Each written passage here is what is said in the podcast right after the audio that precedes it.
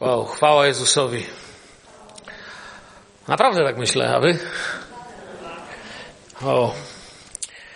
Dobrze być znowu u was. Dawno sobie tutaj nie stałem. A szczególnie, że widzę po całej sali tylu znamienitych kaznodziei, a ja mam przywilej tu stać. To ciekawe uczucie.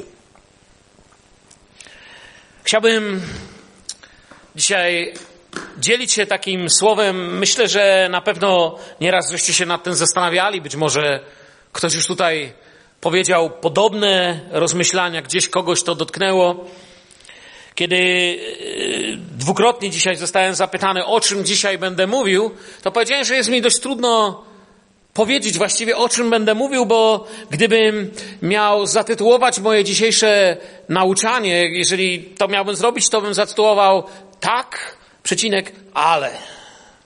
Czyli chcę mówić o pewnym ale. Mam ze sobą ale, ale to nie o tej ali będę mówił. Chcę mówić o innym ale. O takim ale, które czasami mamy, wiecie, i ale to może być dobra albo zła wiadomość, dlatego że zwróćcie uwagę, że słowo ale zawsze osłabia to, po czym zostaje wypowiedziane. Czyli kiedy powiemy ale po złej wiadomości, to właściwie ale jest czymś dobrym. Ale kiedy je powiemy po dobrej wiadomości, to jest czymś złym. Czyli na przykład, kiedy powiem, wygrałeś właśnie 10 tysięcy, ale, no to już wiesz, że musisz, nie wiem, kupić odkurzacz, wysłać SMS-a i może.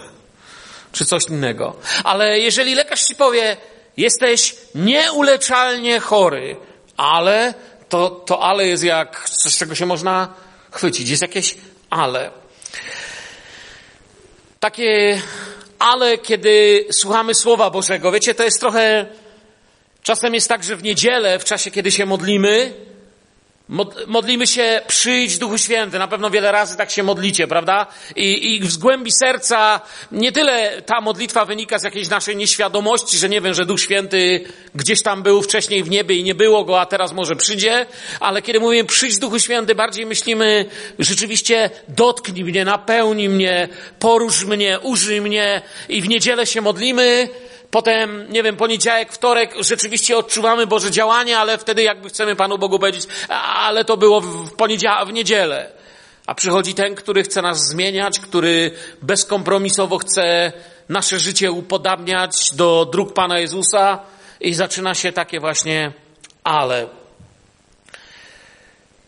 Kiedy zastanawiałem się, nie wiem czy pamiętacie, w innej okazji tutaj mówiłem o tym w zupełnie innym kazaniu, że to Boże ale też jest takie ciekawe, y, odróżniające się trochę od ludzkiego, dlatego że ludzie z reguły mówią to co dobre i dopiero potem mają ale. A Pan Bóg na odwrót. Ludzie, wiecie, z reguły podchodzą do kogoś i mówią, wiesz, przyjacielu, jesteś naprawdę dobrym kaznodzieją, lubię cię, ale, i wiesz, że dopiero teraz usłyszysz to, co chciał ci powiedzieć. Bóg na odwrót mówi. Bóg mówi, zgrzeszyliście jesteście pozbawieni mojej chwały, ale i wtedy mówi coś dobrego, jakby taka odwrotność jest. Izajasz w 29 rozdziale pokazuje nam trochę, jak wygląda to, ale może Pan Bóg tego tutaj tak nie nazywa. Za chwilę, myślę, zrozumiecie, czemu uznałem, że to jest ważne, czemu chciałem się tym z Wami dzisiaj podzielić. Zwróćcie uwagę, jeżeli czytamy 29 rozdział Księgi Izajasza od 13 wersetu, zwróćcie uwagę tutaj na relację pewną, która występuje. To jest ta relacja, kiedy y, wypowiada człowiek to ale. To jest relacja usta, serce.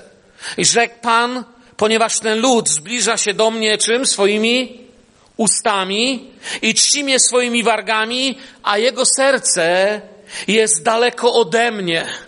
Czyli innymi słowami mówimy, ale. Także ich bojaźń przede mną jest wyuczonym przepisem ludzkim. Dlatego też ja będę nadal dziwnie postępował z tym ludem. Cudownie i dziwnie i zginie mądrość jego mędrców, a rozum jego rozumnych będzie się chował w ukryciu. Biada tym, którzy głęboko ukrywają przed Panem swój zamysł, których działanie odbywa się w ciemności i którzy mówią, kto nas widzi, kto wie o nas. O jak przewrotni jesteście. Tak jak gdyby można garncarza stawiać na równi z gliną. Jak gdyby dzieło mogło mówić o swoim stwórcy, nie on mnie stworzył, a garnek mówił o garncarzu, on nic nie umie. Tutaj widzę mocno to ale, zaraz do tego wrócimy. I jest to tutaj w takim negatywnym świetle. Izajasz mówi, że parafrazując oczywiście jego słowa, że stajemy przed Bogiem, mówimy, Panie, my Ciebie kochamy, Panie, my to, my tamto, ale na co dzień serce jest gdzieś indziej. I myślę, że chyba nie ma na tej sali kogoś z nas, kto by w tym nie zawalił, nie zgrzeszył. Przynajmniej ja muszę się przyznać, że często dużo bardziej yy, gdzieś w kościele czułem się taki gotowy na poświęcenie dla Pana niż czasami w te ciemne wtorki, smutne czwartki. Wiecie o czym mówię, gdzieś w pracy, gdzieś. Czasami pojawiało się takie, wiesz, ale. Jest też pozytywne ale w kontekście naszego zbawienia, w kontekście tego, co Pan Bóg czyni, bo to ma swój kontekst tutaj. Pamiętacie te słowa, że jeśli ustami swoimi wyznasz, Rzymian 10 rozdział, 9 werset, że jeśli ustami swoimi wyznasz, że Jezus jest Panem, czyli to są usta, i uwierzysz w sercu swoim, że Bóg zbudził go z martwych, zbawiony będziesz. Tu nie ma żadnego ale. To, co wyznałem, w to wierzę w sercu, a co człowiek ma w sercu, to z obfitości serca mówią jego usta potem, z obfitości serca działa, stamtąd tryska źródło jego życia, tam idzie dalej. Oczywiście wiem, że tu dotyczy zbawienia, albowiem sercem wierzy się ku usprawiedliwianiu, usprawiedliwieniu, przepraszam, a ustami wyznaje się ku zbawieniu. Wiem, zdaję sobie sprawę, ten werset został napisany, żeby powiedzieć, jak wygląda praktycznie z Bożego punktu widzenia nasze dostąpienie zbawienia. Ale chcę tu pokazać żadnego ale. Wyznaję ustami, wierzę sercem, jestem przed Bogiem taką jednością, nie chaosem. Czasami jesteśmy przed Panem Bogiem taką kakofonią. Jedno myślimy, co innego mówimy, ale jeszcze coś innego robimy. Tutaj jest taka jedność. Prawdziwe uczniostwo, naśladowanie Jezusa, to czego się uczę w moim modlitewnym życiu, w moich decyzjach, które podejmuję. Prawdziwe uczniostwo, naśladowanie Jezusa to harmonia między ustami, sercem i uczynkami. Amen. Jest taka harmonia. I ta harmonia sprawia, że przynosimy owoce. Ta harmonia sprawia, że nasze chrześcijaństwo jest rzeczywiste. Chcę właśnie dziś powiedzieć o tej postawie wobec Jezusa i Jego słowa. To jest bardzo ważne, jak przyjmujemy to słowo. Nie tylko ustami. Ja jestem, nie wiem, zielonoświątkowcem. Ja jestem chrześcijaninem. Ja jestem nawrócony. Ja jestem narodzony na nowo. Moje usta wyznają, że Jezus jest Panem, ale na co dzień moja rodzina się ze mną zmaga Moi znajomi nie widzą we mnie Pana Jezusa. Jest jakieś ogromne ale, jakiś zgrzyt mojego życia. Kiedyś czytając i rozmyślając o Panu Jezusie, czytałem o Jego męce, te fragmenty, które opisują Jego mękę i tak uderzyły mnie pewne dwa umywania, które tam zobaczyłem, które możemy zrobić w naszym życiu. Zobaczyłem, że w drodze za Jezusem można tak jak Piłat umyć swoje ręce, albo można tak jak Jezus umyć nogi swoich bliźnich. Zawsze człowiek coś umywa, zawsze człowiek podejmuje decyzje i albo to jest takie ale właśnie, albo to jest jakieś takie ucieczka od rzeczywistości, która nam się bardzo pobożnie podoba, albo jest to taka droga za Jezusem na całego. I jak w każdej sytuacji i w tym tutaj, tak jak wy, czuję się, że się uczę Często, kiedy mówię o rzeczach tak głębokich, nie chcę ludziom powiedzieć, że przyjechałem tutaj jako ten, który już wie, a wy, parafianie, słuchajcie, bo takiego, takiej postawy we mnie nie ma. Ale raczej chcę powiedzieć, razem uczmy się Jezusa. Tego się uczę. To są takie moje bardzo osobiste notatki, gdy chcę, żeby w mojej drodze za Jezusem nie było żadnych ale. Żadnych moich ale. Można zbaczać z Bożej drogi, z Bożego celu. Czyli grzeszyć, my to nazywamy grzeszyć, ale ładniej to mówiąc, albo bardziej obrazowo, zrozumiale mówiąc, można zbaczać z Bożego celu na trzy sposoby. Tak jak ten chaos jest na trzy sposoby, kiedy jedno myślą myśli, co innego mówią usta, co innego robią uczynki, można na trzy sposoby zbaczać z Bożego celu i można zgrzeszyć, czy właśnie robić nie to, co trzeba wobec Boga i bliźniego, przez to, co myślimy, przez to, co mówimy, albo przez to, co czynimy, lub w wyznaniu wiary byśmy przeczytali tym, tym co nie czynimy, czyli zaniedbujemy. To zboczenie z drogi za Jezusem jest złem, jest zaniedbywaniem miłości, a kiedy zaniedbujemy miłość do Boga, bo często to powtarzałem i będę powtarzał, miłość nie jest uczuciem. Miłość się łączy z emocjami, z uczciami, ale miłość jest przede wszystkim decyzją. Największą pieśnią o miłości do Jezusa jest pieśń postanowiłem iść za Jezusem. To jest moje postanowienie. To jest decyzja. Pan Bóg, kiedy mam dzisiaj powiedzieć parę słów o tym, ale jeszcze trzy wersety zauważyłem ciekawe. Pan Bóg nas ostrzega po pierwsze, aby takie ale nie miało w naszym miejscu życia, czyli jakiś rozpad i mówi do nas tak, tak, taki, taki rozpad jedności tego, czym jesteśmy przed Nim. Bacz, abyś nie zapomniał Pana Boga Twego, zaniedbując Jego przykazania, prawa i ustawy, które Ci dziś nadaje. Czyli, parafrazując znowu, uważaj, abyś nie zaniedbał tego, co masz. Bo tu Pan Bóg mówi, które Ci nadaje. To jest coś, co już mamy.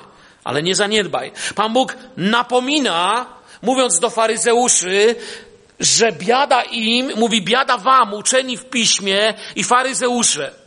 Mówi do nich obłudnicy, że dajecie dziesięcinę z mięty i z kopru i z kminku, a zaniedbaliście tego, co ważniejsze w zakonie.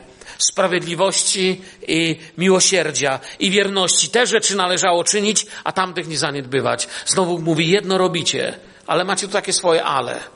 Panie Boże, wierzę w Twoje słowo, ale będę robił na razie to, co mi pasuje.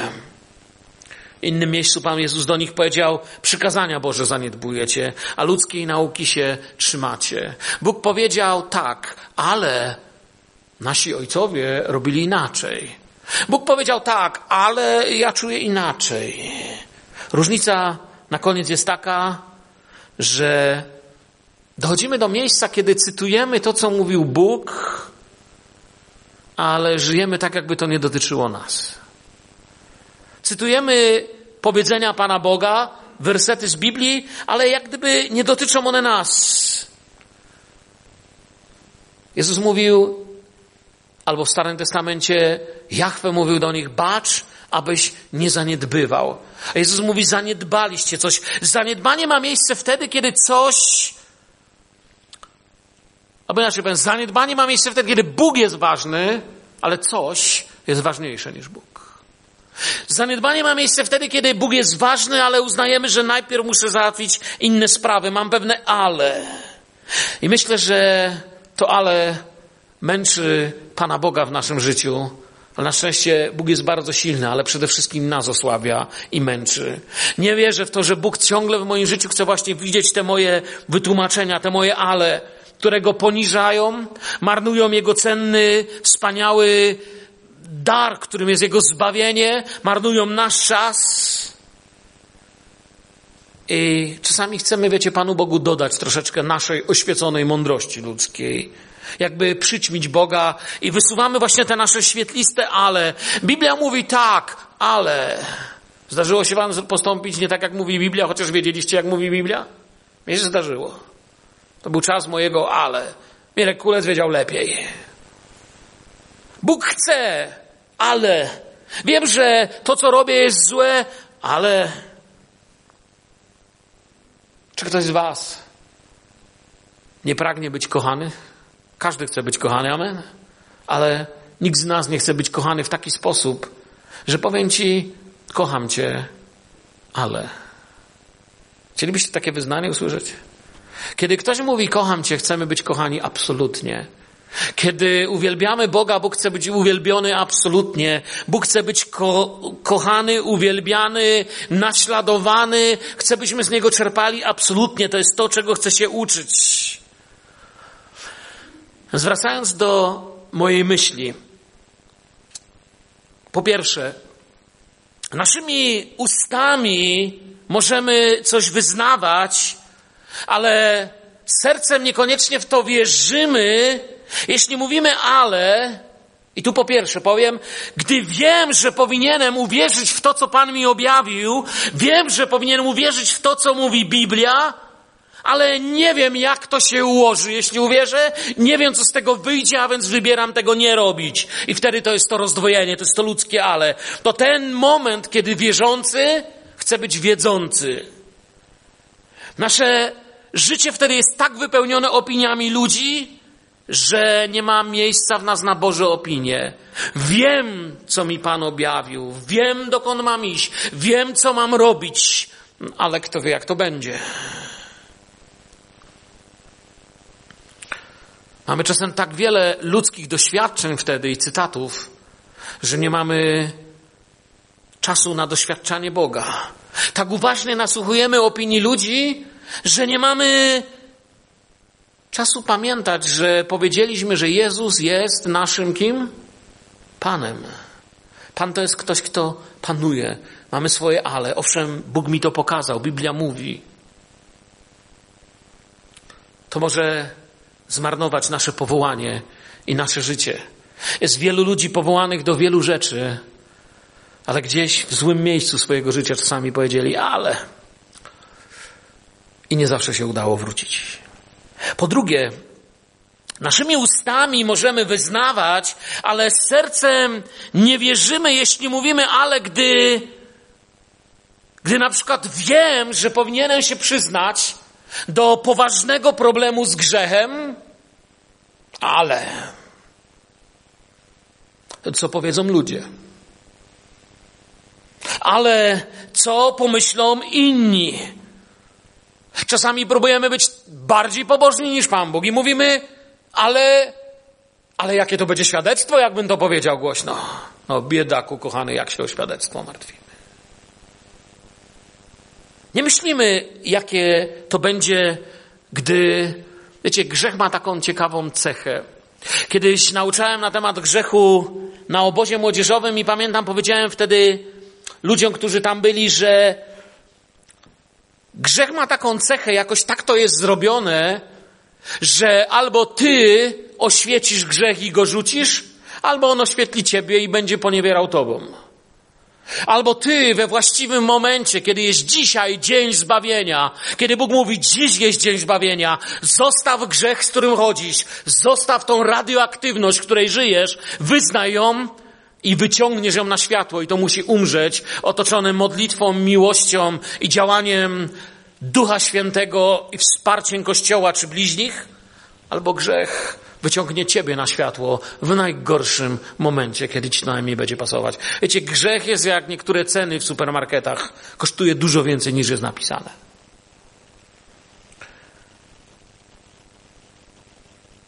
Gdybyś poszedł do lekarza i dowiedziałbyś się, że masz nowotwór.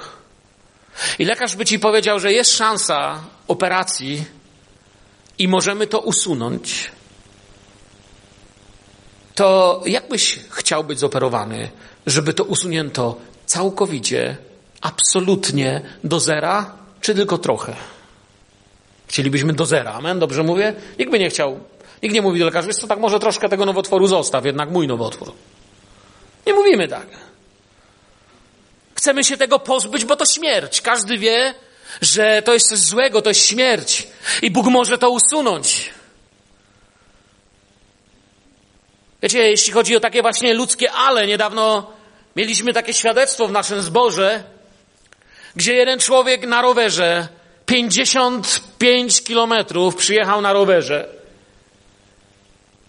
I niestety jechał z Ostrawy i się spóźnił na nabożeństwo. I kiedy w końcu dojechał cały mokry, pan taki koło pięćdziesiątki, tym rowerem przyjechał, tak jak mówię, 55 kilometrów. To już w kościele nas zostało parę osób. Ty byłaś wtedy, ale kiedy nam przyjechał, ilu nas było wtedy? 10 może, nie? 10 u nas może zostało. Już prawie wychodziliśmy. I wiecie, taki ziajany, ciepły, jak lokomotywa. Ja go przywitałem, z faceta się leje. Ja się pytam, co się stało? A on mówi, moja żona umiera na nowotwór. Potrzebuje modlitwy, i uwierzyłem, że w waszym zborze znajdę modlitwę i odpowiedź na modlitwę. Ja sobie nie wyobrażałem jakiegoś ale mu powiedzieć, wiesz co, no ale już jest po nabożeństwie. Może przyjść za tydzień. Po prostu kto był, zwołaliśmy obsługę kawiarni, oni jeszcze czyścili kawiarnię, jakichś ludzi w korytarzu, którzy rozmawiali. Zwołaliśmy i otoczyliśmy go modlitwą. I żeby nie opowiadać całej długiej historii, powiem wam tak, dwa tygodnie temu w, na, w Ostrawie, w Zborze, było nabożeństwo dziękczynne za całkowite uzdrowienie z raka. A również dwa tygodnie czy tydzień temu, już nie pamiętam, ten człowiek z żoną stali przed naszym zborem i ma z dwóch różnych klinik stuprocentowe wyniki badań. Jest sto procent wolna. Jezus jest lekarzem, uzdrowicielem bez żadnych ale. Amen. Chwała Bogu. Jeśli jesteś tu chory, to chcę Ci powiedzieć, Jezus jest lekarzem, Jezus uzdrawia. Cztery dni temu nasza Aneta marudziła i siedzimy, oglądamy bajkę, ona mówi, nie mogę oddychać, mówi. I co pięć minut mi powtarza, że coraz trudniej się jej oddycha. W końcu poszliśmy do góry, posadziliśmy naszą Anetę, to jest nasza młodsza córka, na fotelu i tak jak tu jest Ala, ja, moja Gosia i Jasiek, otoczyliśmy ją modlitwą i Aneta może oddychać i jest zdrowa. Jezus jest lekarzem bez żadnych ale. Bóg nie potrzebuje naszych wyjaśnień, naszych ale. I podobnie wracam do punktu numer dwa, bo jestem, wiecie, kaznodzieją, a kaznodzieje biegną w wieczność.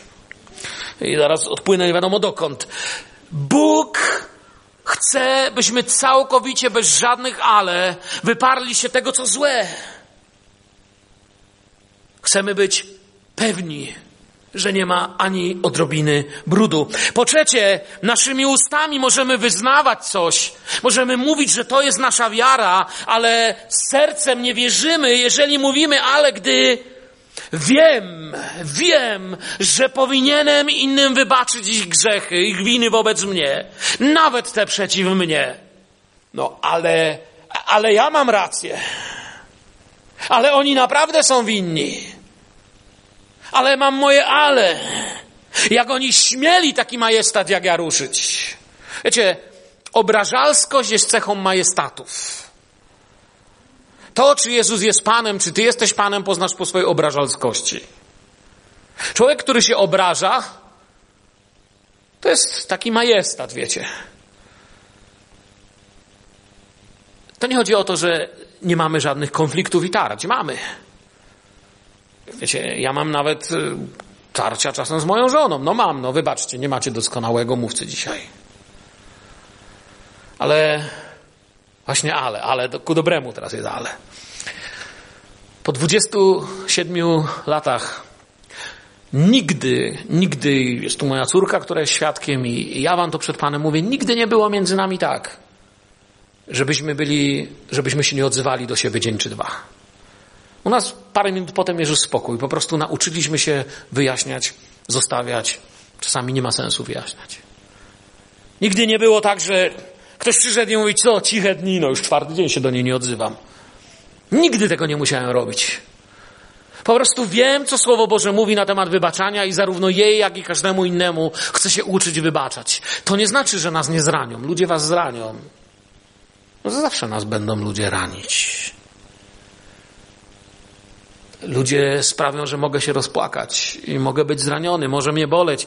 Może być nawet tak, że, wiecie, przypomina mi się ta anegdotka y, z dziećmi, które się, takie, wiecie, maluchy, takie wiejskie maluchy na bosakach, w krótkich spodenkach, z paluchem w buzi, stoją i patrzą na pastora, jak naprawia płot przy kościele. Nie wiem, czy słyszeliście tą anegdotę?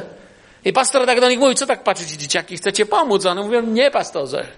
Chcemy wiedzieć, co pastor mówi, jak się walnie młotkiem w palec. Czasami cię zaboli w życiu i, i coś powiesz, ale Bóg mówi, by nieść wybaczenie. I jest rozdwojenie między tym, co Pan nam mówi, a tym, jak to przyjmujemy, nasze ale, kiedy tego nie czynimy. Ja wybaczyłem, ale, ale będę jak kargul. Sprawiedliwość musi po mojej stronie, będę pamiętać. Ciągle będę przypominać. Wiecie, odkryłem coś takiego, jak rozmawiam z ludźmi, to dosłownie w praktyce odkryłem, że czasami łatwiej ludziom wybaczyć hitlerowski holokaust i wybaczają Niemcom zamordowanie Żydów, wybaczą Stalinowi i komunistom, mówią jednak też Jezus za nich umarł, y, morderstwo, ale nie wybaczą, że sąsiad mu kota pogonił. Tego nie wybaczą, bo to jego dotyczy. To ale, jeśli chodzi o przepraszam, przepraszam, ale dzieli zdanie na pół, a połowiczne przeprosiny to zwalenie połowy winy na kogoś innego. To jest tylko pół. Wybaczenie to spotkanie z bliźnim z kompletnie nowym nastawieniem, z kartą wyczyszczoną przez Boże działanie w Twoim życiu. Wybaczenie to patrzenie na najbardziej upadłych ludzi przez pryzmat Boga, tak jak kim mogliby być, gdyby ich dotkła Ewangelia. Bez wybaczenia wprowadzamy Kościół w korupcję. Wtedy Kościół się staje miejscem dla wszystkiego, tylko nie dla grzeszników. Staje się, nie wiem, przychodnią potępiającą chorych. Staje się przychodnią, na której pisze chorym wstęp zbroniony, gdy nasze reakcje dochodzą z braku wybaczenia do takiego miejsca, co również w moim chrześcijańskim życiu widziałem, gdzie kiedy drugiemu bliźniemu coś się stanie, to inni wierzący zaczynają mówić, dobrze mu tak, zasłużył sobie na to. Czy na pewno to jest nasze miejsce, żeby tak mówić? Czy nie boimy się tak mówić? Albo mówimy, sam sobie zdecydował. Oliwa zawsze sprawiedliwa, inne bzdury. Dobrze, że nie wobec mnie, ciebie. Bóg jest sprawiedliwy, ale nigdy nie pozwólmy, żeby z braku właściwej decyzji moje serce doszło do miejsca, gdzie mówimy, no Bóg wybaczył, ale, ale, ale. Patrzę na Jezusa, na Jego wybaczenie. On miłował nas aż do końca, bez żadnego, ale do końca. Bóg umiłował wszystkich. Zgadzacie się ze mną tutaj, czy nie? Zgadzacie się, że Bóg miłuje wszystkich, czy nie? Czy to, to jest to, co wierzymy? Jeżeli Pan miłuje wszystkich, to jeżeli śpiewam, że miłość Bożą w sercu swym dzisiaj mam, a nie miłuję wszystkich, to mam pierwszy dowód, że ta miłość to nie jest ta miłość Boża. Bo jeśli miłość Boża jest wobec wszystkich, ja nie mówię teraz o tolerancji, ja nie mówię o ślepocie na cudze błędy, ja nie mówię o braku rozmowy, nie mówię o braku pomocy. Mówię o tym, gdy wchodzimy w gorycz niewybaczenia, chociaż wiemy, ale. Po czwarte, naszymi ustami możemy wyznawać, ale sercem nie wierzymy w coś. Ja tak celowo wychodzę z tego Rzymian. Jeszcze raz mówię, wiem, że tam jest to kwestii zbawienia.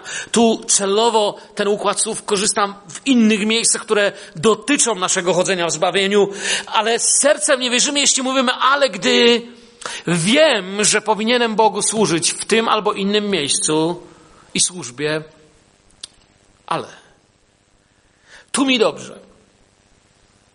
Wiele razy w moim życiu byłem w takim miejscu, nawet całkiem niedawno, gdzie dużo bardziej chciałem być gdzie indziej niż musiałem być.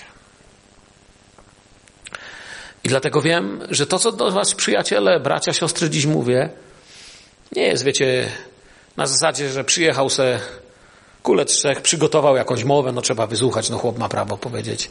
Mówię Wam coś, co jest i moim zmaganiem. Czasami jesteśmy z Panem w miejscu, gdzie wcale nie chciałoby się być. Nie każda droga z Panem to ciągła, nieustanna radość. Albo jeśli już, to nie jest to ta radość, którą by świat nazwał radością. Jest to pewna radość tego, co za wzgórzem, tego, co u Pana za chwilę, tego, co przynosi wiara. To jest ta radość, wiecie, kiedy Abraham szedł i prowadził Izaaka. Ja nie myślę, że gwizdał pod nosem i się cieszył.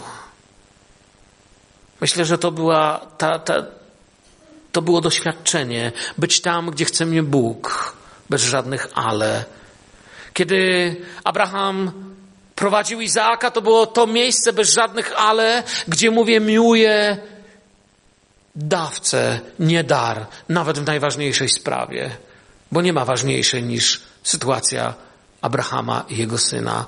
Miłuję dawcę zawsze we wszystkim, tego się uczę. Zawsze początkiem drogi za Jezusem jest powołanie i zawsze na powołanie możemy odpowiedzieć, ale. Pamiętam, lata temu Pan Bóg powołał nas do pracy w Rosji. Z tego zboru wyjechaliśmy do Rosji. Stąd mój sentyment do Filadelfii. To jest moje gniazdko. Gdyby nie ten zbór, nigdy bym nie był wierzącym człowiekiem. Ale kiedy zdecydowaliśmy się jechać do Rosji, to pamiętam, jakie ciekawe były opinie ludzi. W zborze z każdej strony się o nas modlono i nas wspierano. Ale w świecie naprawdę wielu ludzi się klupało w głowę. To były te czasy, kiedy wiecie, w Polsce był czas ogromnych przemian. Ludzie mówili, że przyjdą takie dni w Polsce, że będzie bezrobocie, lepiej nie wyjeżdżajcie, bo jak wrócicie, to nie będzie pracy. I właściwie mieli rację, tak się stało. Wtedy o tym mówiono, że przyjdzie taki czas, że będzie bezrobocie, jeszcze go wtedy nie było. Mówiono, że wiele rzeczy się zmieni, że yy, najlepszy to był jeden pan, który nam powiedział, wiecie, to, to, to ukształtowane było przez komunizm ale on był bardzo poważny, kiedy powiedział, w jaki sposób zamierzasz żonie kupić, i dosłownie, ja, ja, ja mówię wam prawdę, powiedział yy, samochód, mieszkanie i segment. To były wartości. Ja mówię, nie wiem, może później, a później może nie być. Wiecie, i wtedy to jest ten moment, kiedy ci ludzie chcą, no wiemy, że cię Pan Bóg powołał, ale powiedz jakieś ale. Nie żyj na wariata i tak dalej. Powołanie. Byliście kiedyś powołani przez Pana? Gdybym się zapytał, kto z Was był powołany, i podnieślibyście ręce, nie będę oczywiście o to pytał, to wiem jedno, każdy z was, kogo kiedyś Bóg do czegoś powołał, zgodzi się ze mną z jedną prawdą. Powołanie zawsze wymaga zostawienia czegoś, amen. Powołanie zawsze kosztuje. Jeżeli w swoim życiu do tej pory robisz jakąś służbę, ale nigdy z tego powodu nie musiałeś z niczego zrezygnować, nic zostawić, to to jeszcze nie jest służba Jezusowi. Powołanie zawsze kosztuje, samo się nie wypełnia. Gdzie może, e, może człowiek pójść za jakimiś swoimi ambicjami, ale kiedy idziesz za Jezusem, to zawsze kosztuje.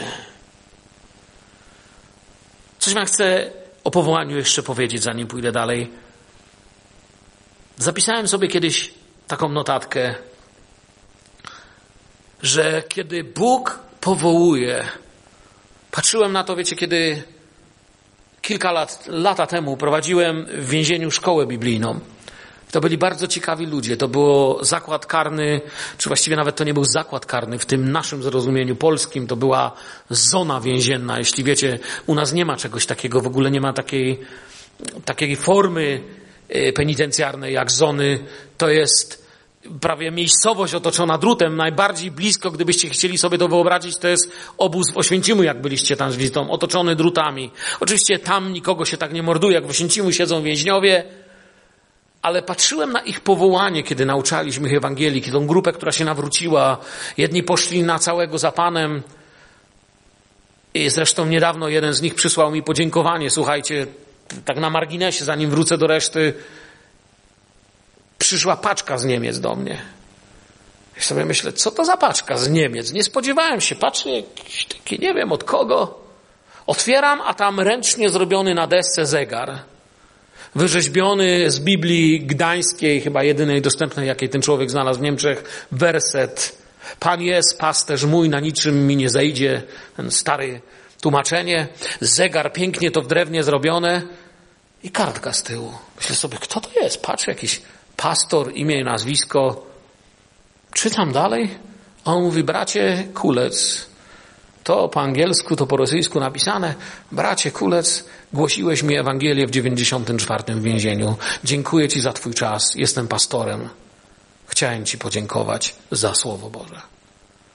Powiedzcie, że to nie radość. Wielka radość tak jak mówię, mieliśmy ludzi powołanych. Wracam do tego, co chciałem o powołaniu powiedzieć. Powołanie po Bożemu odbywa się w ten sposób, że jest zaskoczenie i poczucie małości. Kiedy mówisz, ja, ja, mm, to niemożliwe. Kiedy jest oddanie się w ufności, kiedy jest poświęcenie, bo to dla Pana i coś płacisz, kiedy masz pokój w tym wszystkim, co poświęcasz, w tym wszystkim, co widzisz, że jest większe od Ciebie. Tak Pan powołuje. Powołanie po świecku z głębi naszych pragnień to jest przekonanie o swojej ważności, że się nadaje. To jest trochę wchodzenie w Boży obłok jak w korporację. Jestem najlepszym kandydatem, Panie Boże, jakiego mogłeś dzisiaj znaleźć. Bóg w ten sposób nie poszukuje kandydatów. Bóg mi może powiedzieć, wiesz co, teraz z lasu albo z pastwiska mogę dzikiego osła powołać i będzie lepszym teologiem niż ty. To najlepsze, co się przydarzyło, to jest to, że ja spotkałem Jezusa, a nie Jezus mnie. I kiedy czujesz, że tak właśnie Cię Pan powołał, nie mów ale, idź za tym. W każdym zborze są szkółki, misje, muzyka, nie wiem, nagłośnienia, jest pełno służb, mógłbym wszystkie wymienić. W wielu z nich brakuje ludzi. Czasami myślimy, że powołanie to Afryka. Są różne powołania. Nie mów ale, wsłuchaj się, ucisz się w Panu i w pokoju Bożym idź, ucz się, realizuj. Po piąte, naszymi ustami możemy wiele mówić, ale nie wierzymy w sercu głęboko, jeżeli, gdy mówimy ale, jeżeli wiemy, że powinienem podzielić się Ewangelią z moim bliskim lub przyjacielem. Ale co sobie ludzie pomyślą? Co w pracy powiedzą? Jak to będzie? Wiecie, wiele razy w życiu to mną kierowało, że mogłem zrobić ludziom jakieś dobro. Trochę czasami jak te słowa, nie pamiętam, prawdopodobnie świętemu Franciszkowi je przypisują inni. Kiedyś widziałem na Facebooku Augustyna, tam ciskałem, nie wiem kto to powiedział, ale, ale, ale miał rację, kiedy powiedział, że powinniśmy zawsze głosić Ewangelię, a czasami się odzywać i coś mówić. Możemy czynić dobro, ale jakieś, a, a co pomyślą? A jeszcze pomyślę, że ten fanatyk, sekciarz, stracę poważanie u przyjaciół, Myślę, że niewiele tu trzeba mówić. Po szóste, naszymi ustami możemy wyznawać coś. Opowiadać o wielkiej naszej wierze, ale sercem nie wierzymy, jeśli mówimy ale, gdy wiem, że Jezusa powinienem uczynić pierwszym w moich sprawach finansowych. Ale kto wie, czy on się zna na forsie. Wiecie, ostatni się nawraca nas portfel, zgodzicie się? Portfel jest ostatnim, co się nawraca. Czasami kochamy portfel tak bardzo, że najchętniej byśmy zdjęcie portfela w portfelu nosili.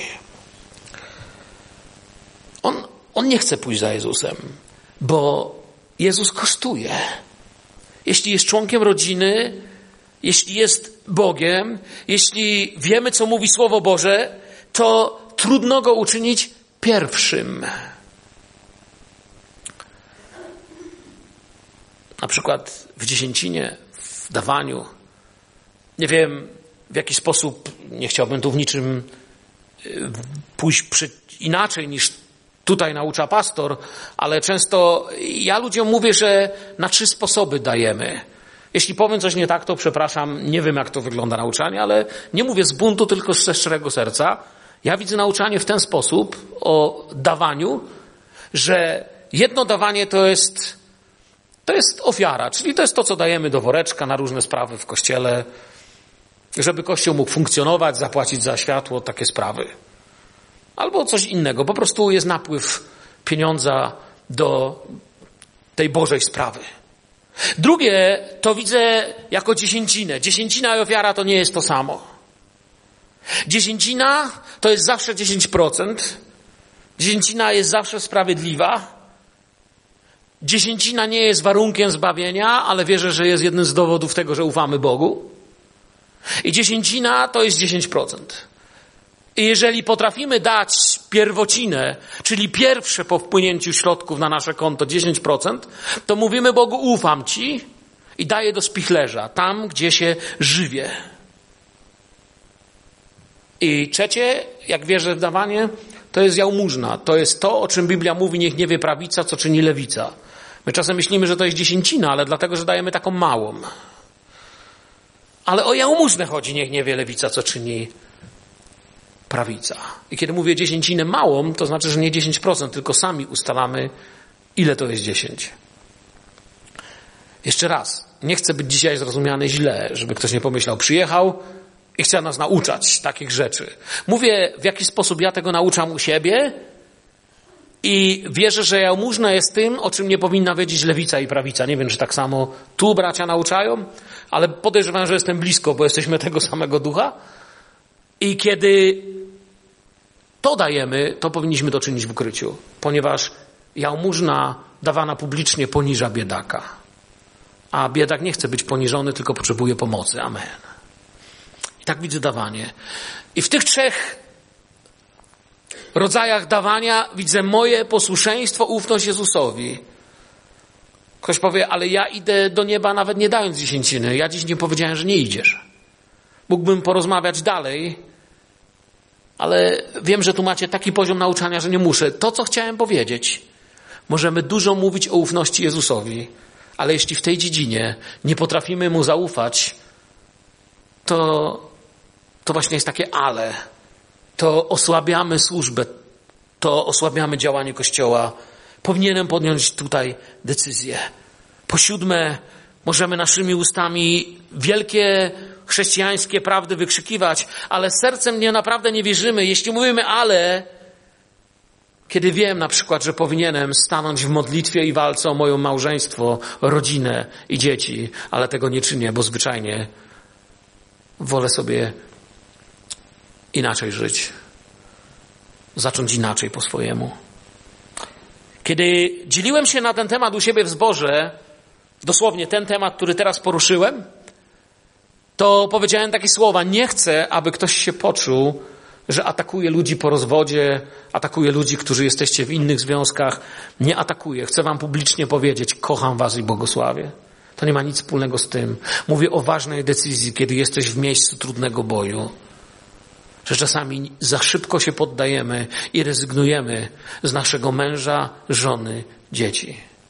Powinniśmy stać i wyznawać Jezusa Panem i poszukiwać Bożego naprawienia. Co się stało, wiem, że się nie może odstać. Jeszcze raz mówię, nie jest to jakikolwiek przytyk tu komukolwiek, bo nie mam takiego prawa.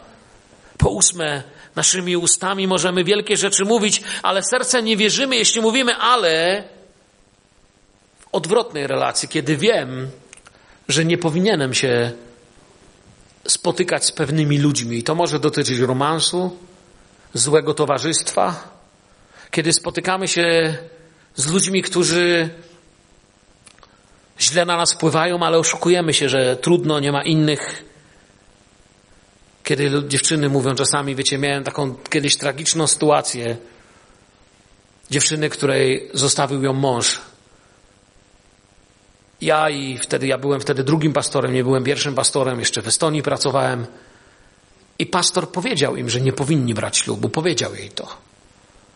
Wiecie, co zrobili ci ludzie? Wyjechali sobie do innego miasta i tam im jakiś pastor udzielił ślubu. I potem złożyli papiery. Ten człowiek ją po trzech miesiącach zostawił, po czterech miesiącach byli w trakcie rozwodu. I ze łzami przyszła, i wtedy nasz pastor, ja się wtedy bardzo uczyłem, ja wiele nie umiałem wtedy powiedzieć, powiedział do niej: Mówiłem ci wtedy, dlatego że wiedziałem, że on wyszedł z więzienia, ale nigdy o nic nie zapytałaś. Wyjechałaś i zrobiłaś po swojemu, dlatego teraz cierpisz.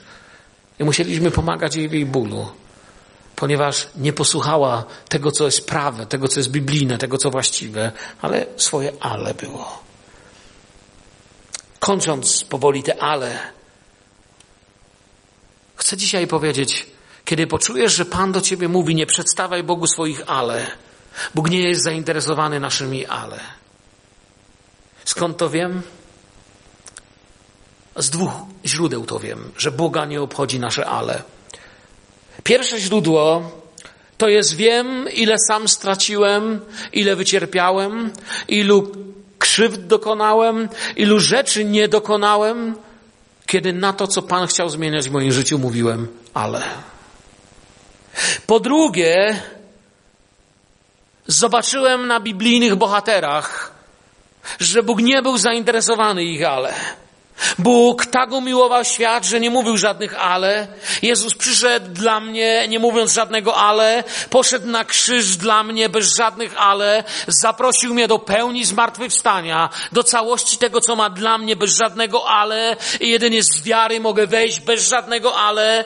I wierzę, że Żyjemy w takim czasie Kościoła, gdzie Bóg mówi, skończcie z tym, ale ja naprawdę wiem, dokąd was prowadzę, wiem, jakie myśli mam o was, wiem, jaka jest moja wola dla was, moje słowo was nie zawiedzie i nie musicie mieć żadnych ale. Bez naszych ale Bóg ma doskonałe zamierzenia, plany i widzi dużo dalej. I drugie, jak mówię, nikt z biblijnych bohaterów nie osiągnął wielkich rzeczy, mówiąc Bogu ale. Mojżesz miał swoje ale, ale, ale tamto, siamto. Jeremiasz, ale za młody jestem. Jonasz, ale mm, nie lubię Asyryjczyków. Wolę jednak w czasach Hiszpanii. Eliasz. Bóg go zapytał, co ty tutaj robisz? Bo miał swoje. Piotr. Panie, ale nie, nie, nie przyjdzie to na ciebie, słuchaj. Wręcz przeciwnie. Bóg mówił, idźcie moją drogą. Wiecie, gdybyśmy tyle rozmyślali nad tym, do czego nas Pan powołuje, jak nad tym naszymi ale, bylibyśmy gdzie indziej. Bylibyśmy dużo, dużo dalej. Wierzę, że żyjemy w takich czasach, gdzie Ewangelia zaczyna, wiecie, być takim głębokim pragnieniem wielu ludzi. Gdziekolwiek się ruszymy, Kościół doświadcza odnowy. Wielu ludzi doświadcza ogromnego pragnienia wylania Ducha Świętego. Niedawno jeden ze znajomych, znanych księży, których znam, blisko się znam z tym księdzem, został wyrzucony ze swojego kościoła, ponieważ odważył się pójść i poprosić o modlitwę o chrzest Duchem Świętym i postanowił, że chciałby przeżyć pełnię wszystkiego, co Bóg dla niego ma. W ludziach jest pragnienie i bez żadnych ale idą za nim. Ten człowiek zaryzykował wszystko. Myślę, że nasze ale powinno być mocne wobec tego świata. Czasami, kiedy czytam o kuszeniu Jezusa na, na pustyni, to myślę sobie, Panie, ja czasami tak rozmawiałem z Tobą, jak Ty z diabłem. Próbowałem Bogu rzucać moimi wersetami, moimi wytłumaczeniami, moimi mądrościami, jak gdyby powiedzieć Mu, żeby na chwilę mnie zostawił ze samym sobą. A On mówi żadnych ale, chodź za mną. W stu procentach Cię kocham, w stu procentach zmienię Twoje życie. Mam dla Ciebie lekarstwo, pełną ufność i uczciwość i światło, która zmieni Twoje życie. I myślę, że w tym miejscu chciałbym skończyć. Byśmy zostawili nasze ale, nasze argumenty wbrew Słowu Bożemu. Wiem, że wielu z Was tutaj na tym miejscu jest na progu ważnej modlitwy. Jest w potrzebie ewangelizacji rodziny. Jest w potrzebie wyboru nowej drogi życia. Jest w innych potrzebach. Bóg ma w tych dziedzinach rację. I zamiast używać się na wyszukiwanie naszych ale, wierzę, że najlepsze, co mogę zrobić, otworzyć się na prowadzenie Ducha Świętego i poprosić Boga, żeby mnie mądrze i dobrze przeprowadził, bo On zawsze tak i tylko tak czyni. Powstańmy do modlitwy. Chciałem się Was zapytać. Nie będę robił żadnego wezwania do przodu, ale mam takie pytanie. Czy są na tej sali osoby, które czują, że zbyt często mówiły Bogu, ale argumentowały, opierały się i chcą dzisiaj powiedzieć Panu Jezusowi: Chcę iść za Tobą, objawiaj mi Twoją wolę i prowadź. Kończę z moimi tłumaczeniami. Jest tu ktoś taki? Nie będę prosił, chcę tylko się o Was pomodlić. Widzę wasze ręce. Prosił was innych. Zobaczcie, kto podniósł rękę. Koło was może ta osoba stoi. To są osoby, które wiecie, co mówią? Ja to często u siebie w zborze powtarzam. Kościół to jest miejsce, najlepsze miejsce do modlitwy. Amen? Nie ma lepszego miejsca niż tu. Kiedy ktoś podnosi rękę, czy wychodzi do przodu, tak naprawdę mówi, potrzebuję, żeby się o mnie pomodlić.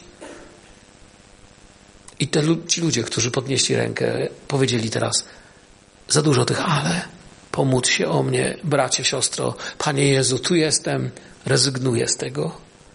Ojcze, który w niebie jesteś, cudowny, święty Ojcze, w imieniu Jezusa, proszę Ciebie o tych, którzy podnieśli rękę, o tych, co nie mieli śmiałości podnieść ręki. O nas wszystkich, Panie, wołamy dzisiaj tutaj. Panie, chcemy mieć mało naszych wytłumaczeń, naszych argumentów. Nie chcemy, Panie, zagadywać Ciebie naszymi wygodnymi wymówkami. Ale Ojcze, wyznaję Ci dzisiaj, że chcę być uczniem Twoim na 100%. Chcę być uczniem Twoim, który idzie za pełnym Twoim powołaniem. Proszę Ciebie, Panie, abyśmy w pełni tego Ducha Świętego, którego nam dałeś, abyśmy w pełni pragnienia tego, do czego nas powołujesz, poszli za tym, co masz dla nas i proszę Cię, Panie, wybacz nam nasze wymówki, wybacz nam naszą wygodę, nasze wygodnictwo, wybacz mi, kiedy tak naprawdę wszystko, co mówiłem, to mówiłem po to, żeby nie zrobić to, czego Ty chciałeś. Panie, proszę Cię, posil nas. Ty widzisz, że jesteśmy słabi. Widzisz, Panie, że nie ufamy Tobie zawsze tak, jak powinniśmy. Nie zawsze tak Cię miłujemy, jakbyś tego pragnął. Wybacz nam to, Panie. Posilaj, prowadź, podciągaj za sobą. Dziękuję Ci za ten cudowny wieczór przy Twoim słowie. Prowadź dzisiaj każdego z tych, którzy tu przyszli, do domu pełnych posilenia, pełnych pocieszenia, nowej siły ku temu, aby powiedzieć Duchowi Świętemu, tak, oto idę, Panie, oto jestem. Tobie, Panie, chwała i cześć. Amen. Wiecie, w Słowie Bożym jest takie miejsce, kiedy Archanioł przychodzi do Marii i mówi jej o tym, jakie są Boże plany, że będzie Matką Bożą, że urodzi Jezusa. I ona wtedy mówi takie słowo. U nas jest to przetłumaczone tak. Oto ja, służebnica pańska. Kiedyś słuchałem ciekawego wykładu pewnego nauczyciela greki i niesamowicie mnie oświetlił, kiedy powiedział, tam nie ma żadnego ja. Ona tam nie mówi, tak jak w naszym tłumaczeniu, oto ja, służebnica. On mówi, to co jest piękne w Grece, to ona mówi oto, oto sługa, oto służebnica. Żadnych ja. Ja tam nie ma żadnego. Tam jest tylko osoba, która chce służyć na 100%. Bez żadnych ja. Bez żadnych ale. To jest dla mnie wielka zachęta. Niech Pan Was błogosławi, prowadzi. Jesteście kochani, uśmiechnijcie się. Bóg Was miłuje bez żadnych ale. Bądźcie błogosławieni. Dziękuję pastorze za możliwość głoszenia. Amen.